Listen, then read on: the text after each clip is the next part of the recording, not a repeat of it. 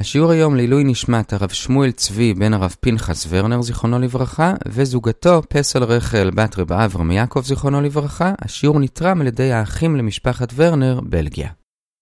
שלום לכולם, אנחנו לומדים את דף י"ב במסכת מגילה באתר sny.org.il אנחנו לומדים היום מהנקודותיים ברבע העליון של עמוד א' עד 10 שורות לפני סוף עמוד ב', השיעור היום יהיה 14 דקות. היום אנחנו ממשיכים בסדרת דפי האגדתא, שבהם אנחנו דורשים פסוקים שונים במגילה. היום נתמקד בפרק א', ונחלק את זה לשני חלקים. בחלק הראשון נתמקד במשתה של אחשורוש, בחלק השני נדבר על ושתי ועל כל מה שקרה איתה מול אחשורוש.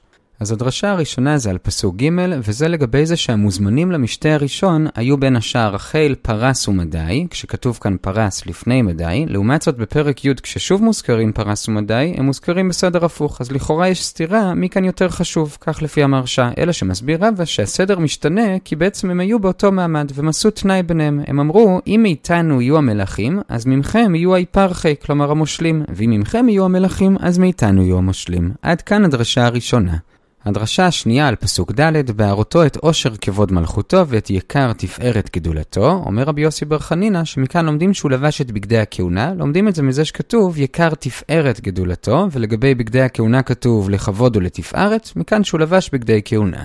הפסוק הבא שנדרוש זה פסוק ה', לגבי הפסוק הזה נראה שלוש דרשות. דרשה אחת זה לגבי זה שאחרי שאחשורוש עשה משתה לכל שריו ועבדיו מכל המדינות שהוא שלט עליהם, הוא עשה עוד משתה לכל העם הנמצאים בשושן הבירה, ולגבי זה יש מחלוקת בין רב לשמואל, האם זה היה חכם שהוא עשה את המשתה של שושן רק אחרי המשתה של שאר המדינות. דעה אחת אומרת שזה נכון, כי קודם כל צריך לדאוג לזה ששאר המדינות יהיו נאמנים לו, כי לגבי שושן הוא תמיד יכול לדאוג לפייס אותם ושהם יהיו נאמנים לו. לעומת זאת דעה אחרת אומרת שזה היה טיפשי, עדיף קודם כל לדאוג לשושן, שלפחות תהיה לו טבעת הגנה לידו, ואחרי זה לדאוג לנאמנות של שאר המדינות. הדרשה הבאה על פסוק ה' זה שכתוב כאמור לכל העם הנמצאים בשושן, ודורשים שזה כולל גם את היהודים. ובהקשר הזה מסופר שהיה דיון למה יהודים באותו דור התחייבו כליה, אז תלמידיו של רבי שמעון בר יוחאי אמרו שזה בגלל שהם נהנו מסעודתו של אותו רשע, כמו שהרגע אמרנו לכל העם הנמצאים בשושן. אבל אמר להם רבי שמעון, אם זה כך, אז רק היהודים בשושן היו צריכים להרג, לא כל היהודים. לכן הוא אמר שהסיבה זה לא זה, אלא בגלל שבזמן של נבוכדנצר הם השתחוו לצלם, כמו שאנחנו רואים שבספר דניאל כתוב שנבוכדנצר עשה פסל מזהב, והוא ציווה את כולם להשתחוות, וכתוב שחנניה, מישאל ועזריה לא השתחוו, משמע ששאר היהודים כן השתחוו. עכשיו אם הם השתחוו, למה בכל זאת הם ניצלו בסוף במגילת אסתר? מסביר רבי שמעון שכיוון שהם עשו את זה רק לפנים, כלומר הם עשו את זה רק למראית עין ולא באמת רצו להשתחוות, אז גם הקדוש ברוך הוא רק גזר עליהם גזירת כליה לפנים, כלומר רק למראית עין, הפחיד אותם שהוא הולך להרוג אותם, אבל בפועל הם ניצלו. אז מכאן אנחנו בעצם רואים שכבר מההתחלה, הקדוש ברוך הוא לא באמת תכנן להרוג את כל היהודים במגילת אסתר, אלא רק להפחיד אותם ולגרום להם לחזור בתשובה. זו הדרשה השנייה על הפסוק ה'.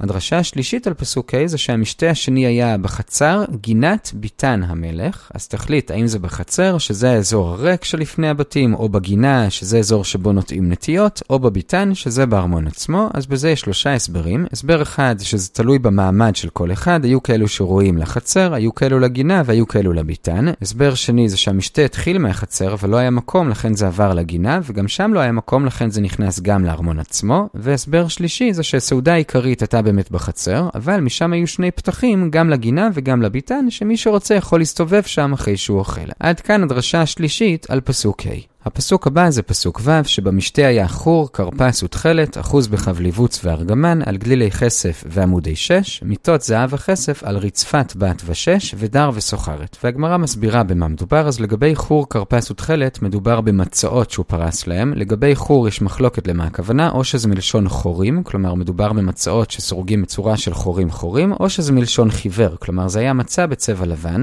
כרפס, רבי יוסי בר חנינא מסביר שהכוונה היא של פסים, אפשר להבין להבין שכוונה היא לכריות עם דוגמה של פסים עליהם, יש כאלה שמסברים שכוונה היא לסוג צמר יקר. המשך הפסוק, מיטות זהב וכסף, מה היחס כאן בין הזהב לבין הכסף? אז יש כאן ברייתא שרבי יהודה מסביר שהיו שתי דרגות, אלה שראויים לכסף ואלה שראויים לזהב. רבי נחמיה אומר שלא יכול להיות שבאותו מקום היו כמה דרגות, כי אז היה עושה קנאה בסעודה ואנשים לא היו שמחים, אלא הכוונה היא שהמיטות עצמם היו כסף והרגליים מזהב. והמשך הפסוק על רצפת בת ושש, אז לגבי שש יש כאלה שמסבירים שהכוונה היא לשיש, שליש, יכול להיות שכוונה היא שכיסו את הרצפה בבד שנקרא שש, בכל אופן את זה הגמרא לא מסבירה. מה שהגמרא כן מסבירה זה את המילה בהת, שהגמרא אומרת שהה' והח' מתחלפות, ואז זה כמו בחת, שהשורש של זה זה חת, שזה מלשון לחטט אחרי משהו, כלומר לחפש אחרי משהו. כלומר, מדובר באבנים כאלה יקרות שאנשים צריכים להתאמץ ולחפש אותם עד שמשיגים אותם, מזה הייתה עשויה הרצפה. והמשך הפסוק, ודר וסוחרת, כאן יש שלושה פירושים. פירוש אחד זה ששמו שורות שורות של אבנים יקרות מסביב לסעודה, דר זה מלשון דרי דרי, כלומר שורות, וסוחרת זה סחור סחור, כלומר מסביב. פירוש שני זה שיש אבן טובה מאוד נדירה שנקראת דרה, והמיוחד שבה זה שהיא מפיצה אור, והם היו שמים אותה בסעודה, והיא עושה אור כמו בצהריים, אז דר זה מלשון דרה, וסוחרת, אומר רש"י, זה מלשון סיירה, כלומר ירח או צהריים, בכל אופן זה עושה אור. ופירוש שלישי, שדר וסוחרת לא קשור לאבנים שהיו בסעודה, אלא פשוט שבזמן הסעודה, אחשורוש פטר מהמכס את כל הסוחרים, אז דר זה מלשון דרור, חופש, וסוחרת זה בעלי סחורה. דרור לכל בעלי סחורה. עד כאן פסוק ו'. פסוק ז', והשקות בכלי זהב, וכלים מכלים שונים. מה זה כלים שונים? אומר רבא שזה בא לדרוש, שונים מלשון לשנות, לחזור עוד פעם על משהו. על מה הוא חזר? על הטעות של בלשצר. כמו שראינו בשיעור הקודם, בלשצר הוציא את כלי המקדש כי הוא חשב שהגאולה כבר לא תגיע והוא נענש והוא נהרג כבר באותו לילה, וגם אחשורוש חזר על אותה טעות והוציא את הכלים. והמשך פסוק ז', ויין מלכות רב כיד המלך. אומר המהרש"א, היה צריך להיות כתוב ויין מלכות הרבה. למה כתוב רב? רב משמע שזה רב ממשהו, כלומר יותר גדול ממשהו, מסביר רב שהכוונה היא שכל אחד קיבל יין שהוא מבוגר מהגיל שלו. זה פסוק ז'. פסוק ח' והשתייה חדת אינו נס. מה הכוונה חדת? כמו הדת של היהודים. כלומר, כמו שבמזבח במקדש יש יותר קורבנות של אוכל מאשר של שתייה, אז גם באותה סעודה היה יותר אוכל מאשר שתייה. והמשך הפסוק והשתייה חדת אין אונס. מה הכוונה אין אונס? אומר רבי אלעזר שהשקו כל אחד את היין של המדינה שלו, ואז ממילא הוא רגיל לשתות את אותו יין, והוא לא ישתכר יותר מדי, ואז הוא ישתה רק מרצון ולא בגלל שהוא שיכור, וסוף הפסוק, כי כן ייסד המלך, לעשות כרצון איש ואיש, ועל זה דורש רבא שיש שני אנשים שעליהם כתוב שהם היו איש במגילה. מצד אחד איש יהודי היה בשושן, מצד שני להבדיל איש צר ואויב המן הרע הזה. וממילא מכאן דורש רבא ששני שרי המשקים בסעודה היו מרדכי והמן. המן מן הסתם היו לו סיבות פוליטיות, רצה להתחבב על העם או כל סיבה אחרת. מרדכי מן הסתם רצה לשמור על היהודים שלא ישתכרו יותר מדי, שיאכלו רק מה שכשר, שיתנהגו כמו שצריך וכולי. לכן הם היו שרי המשקים. עד כאן פסוק ח'. עכשיו, עד עכשיו תיארנו את עצם המשתה עצמו, עכשיו מפסוק ט' אנחנו מתחילים את הסיפור של אחשורוש עם ושתי.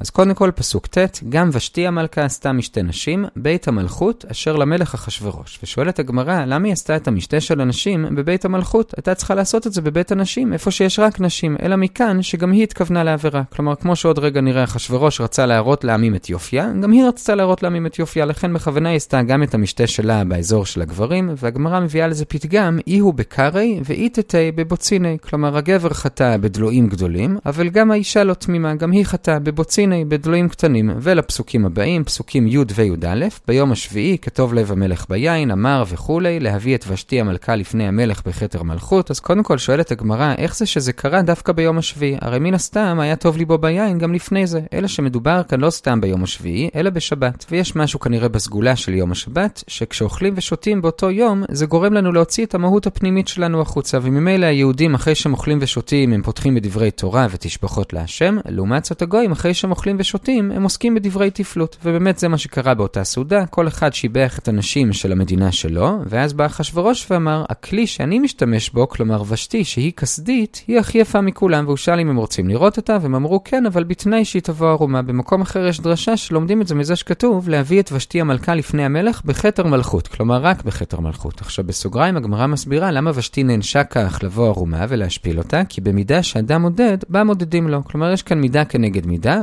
וכנראה שוושתי גם כן עשתה משהו דומה לאחרים. לומדים את זה ממה שכתוב בפרק ב', אחר הדברים האלה וכולי, זכר את ושתי ואת אשר עשת, ואת אשר נגזר עליה, מילים ואת אשר עשת מיותר, ולכן לומדים מכאן שמה שנגזר עליה זה בגלל משהו שהיא עשתה. והגמרא מסבירה שהיא הייתה מפשיטה את בנות ישראל ואומרת להם לעבוד ערומות בשבת, לכן עשו לה בדיוק אותו דבר, אמרו לה לבוא ערומה בשבת. ופסוק י"ב, ותמאן המלכה ושתי לבוא בדבר המלך. עכשיו שואלת הגמרא, הרי אמרנו מקודם שגם היא רצתה להראות את יופייה, אז למה פתאום היא ממאנת? אז כאן יש שני הסברים, רבי יוסי בר חנינא אומר שפרחה בצרעת, בברייתא כתוב שבא מלאך גבריאל ועשה לה זנב, בערוך מפרש, הכוונה היא לאו דווקא לממש זנב, אלא הכוונה היא למשהו שהוא יוצא דופן, בכל אופן היא התביישה לבוא כך, ולכן היא מיענה, ואז סוף הפסוק, ויקצוף המלך מאוד וחמתו בערבו, והמרשם מסביר שבעצם יש כאן כעס כפול, גם ויקצוף וגם חמא, אז רבא מסביר למה הוא כל כך התעצבן, אז חוץ מזה שהיא סירבה לו, היא גם השפילה אותו, היא אמרה בר אהוריירי דאבא, כלומר אתה שומר הסוסים של אבא שלי בלשצר, כמו שראינו גם אתמול, שאחשוורוש לא ירש את המלוכה, אלא או לפי דעה אחת הוא היה ראוי לזה, או לפי דעה שנייה הוא שיחד, בכל אופן הוא לא ירש, ולכן היא אומרת לו, מי אתה שתצווה עליי דבר כזה? ואז בפסוק י"ג,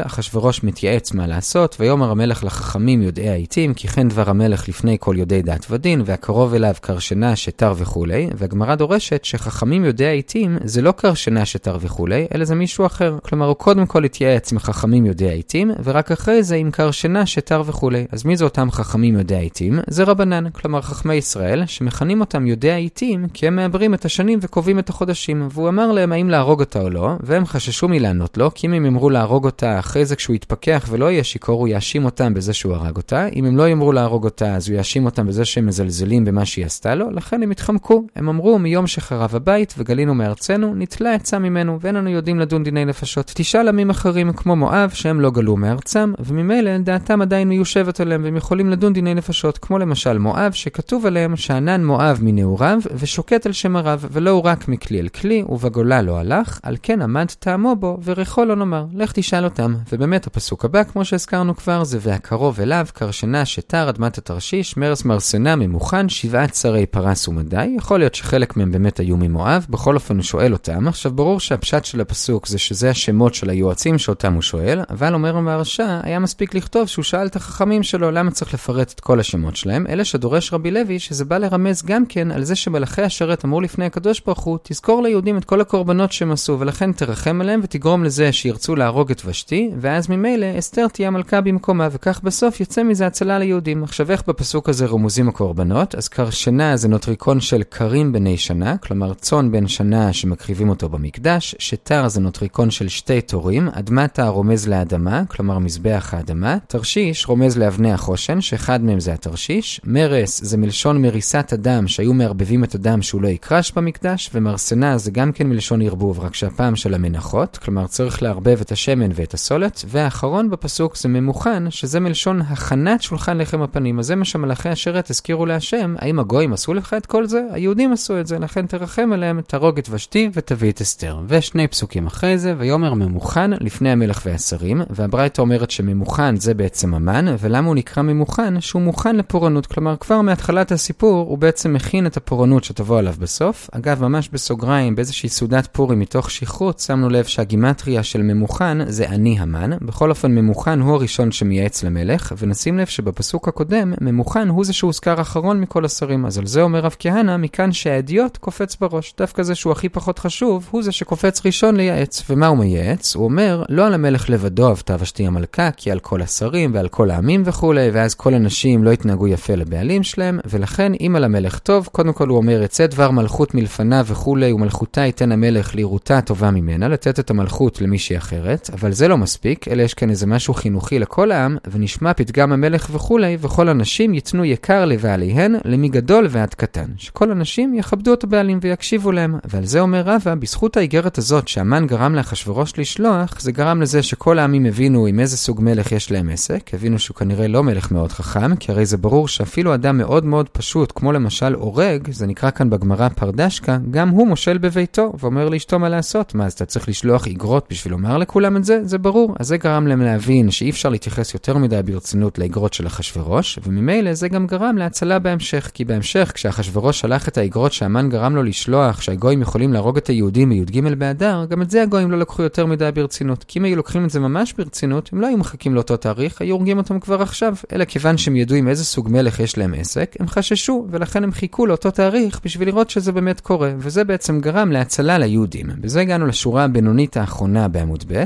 עד כאן עסקנו בפרק הראשון במגילה, נעצור כאן, בשיעור הבא נעבור לפרק השני, בינתיים נחזור בקצרה ממש על חלק מהדרשות שראינו. התחלנו עם זה שפרס ומדי עשו עסקה ביניהם שלפעמים הם יותר במעלה ולפעמים הם. אחרי זה עברנו לתיאור של העושר של המשתה, ראינו שהוא השתמש בבגדים של הכהן הגדול, ראינו מחלוקת האם זה היה חכם לעשות קודם משתה לכל העם מסביב ורק אחרי זה לשושן. ראינו שתי דעות למה יהודים התחייבו כליה באותו דור, או כי הם נהנו מסעודתו של אותו רשע, או בגלל שהם השתחוו לצלם בזמן של נבוכדנצר, ובגלל שהם עשו את זה רק לפנים, כלומר רק למראית עין, אז גם השם עשה להם גזירת כליה רק לפנים, רק הפחיד אותם. לגבי תיאור המשתה שלושה מקומות, חצר, פינת פיתן, וראינו שלושה הסברים לגבי היחס ביניהם. הסברנו מה זה חור כרפס, והסברנו מה היחס בין המיטות של זהב והכסף, ראינו לגבי זה שתי דעות, הסברנו מה זה רצפת בת, שזה אבנים שקשה להשיג אותם, וראינו שלוש דעות לגבי דר וסוחרת. ראינו שכלים שונים, הכוונה היא לכלי המקדש, כמו שבלשצר עשה, שבזה אחשורוש חזר על אותה טעות. ראינו בכמה דרשות שאחשורוש לא רצה שהם ישתכרו בכוח, לכן השתייה הייתה חדת, כלומר יותר אוכל מאשר שתייה, ואין אונס, כלומר כל אחד קיבל את המשקה שאליו הוא רגיל, ולעשות כרצון איש ואיש, הכוונה היא למרדכי והמן, שהם היו שרי המשקים. עד כאן לגבי הסעודה של אחשורוש. אחרי זה עברנו לסעודה של ושתי, וכל הסיפור עם ושתי, ראינו שגם היא לא הייתה תמימה, בכוונה היא עשתה את המשתה שלה באותו מקום של המלך, וגם היא רצתה להראות את יופייה, אלא שפרחה בצרת או זנב, ולכן היא לא רצתה לבוא. ראינו שזה היה ביום השביעי, כלומר בשבת, שאז הגויים מדברים דברי תפלות, ולכן הם ישבו כל אחד את הנשים שלהם, ואחשורוש השוויץ באשתו, ורצה שהיא תבוא ערומה, וזה מידה כנגד מידה, בגלל שהיא הייתה מפשיטה את בנות ישראל ואומרת להם לעבוד בשבת, ולא רק שהיא סירבה לבוא, אלא גם העליבה את אחשורוש, ואמרה שהוא שומר הסוסים של אבא שלה באלשצר, ואחשורוש מתייעץ עם החכמים, בהתחלה עם חכמי ישראל, שהם נקראים יודעי העיתים, אבל הם מתחמקים מזה, ואז הוא מתייעץ עם השרים שלו, וראינו דרשה שהשמות של השרים, שתר אדמת התרשיש מרס מרסנה ממוכן, זה בעצם רמז לעבודת המקדש, שהיהודים עשו והגויים לא, ולכן מלאכי השרת מבקשים מהשם שיהרוג את ושתי ויכניס את אסתר בשביל להציל את עם ישראל בהמשך, ואמרנו שממוכן, שהוא השר האחרון שהוזכר, הוא בעצם המן, מכאן שאדיוט קופץ בראש, והוא המליץ להעביר את ושתי, ולשלוח איגרות שידגישו את זה שהבעל הוא זה שמושל בבית, ומכאן אומר רבא שכל העמים למדו שיש להם עסק עם מלך לא רציני, וממילא הם גם זלזלו קצת באיגרות אחרי זה, שאמרו שאפשר להרוג את היהודים, ולכן הם לא הרגו אותם מיד, אלא חיכו באמת לי"ג אדר, וזה הציל את היהודים מלמות לפני התאריך המיועד. כל טוב.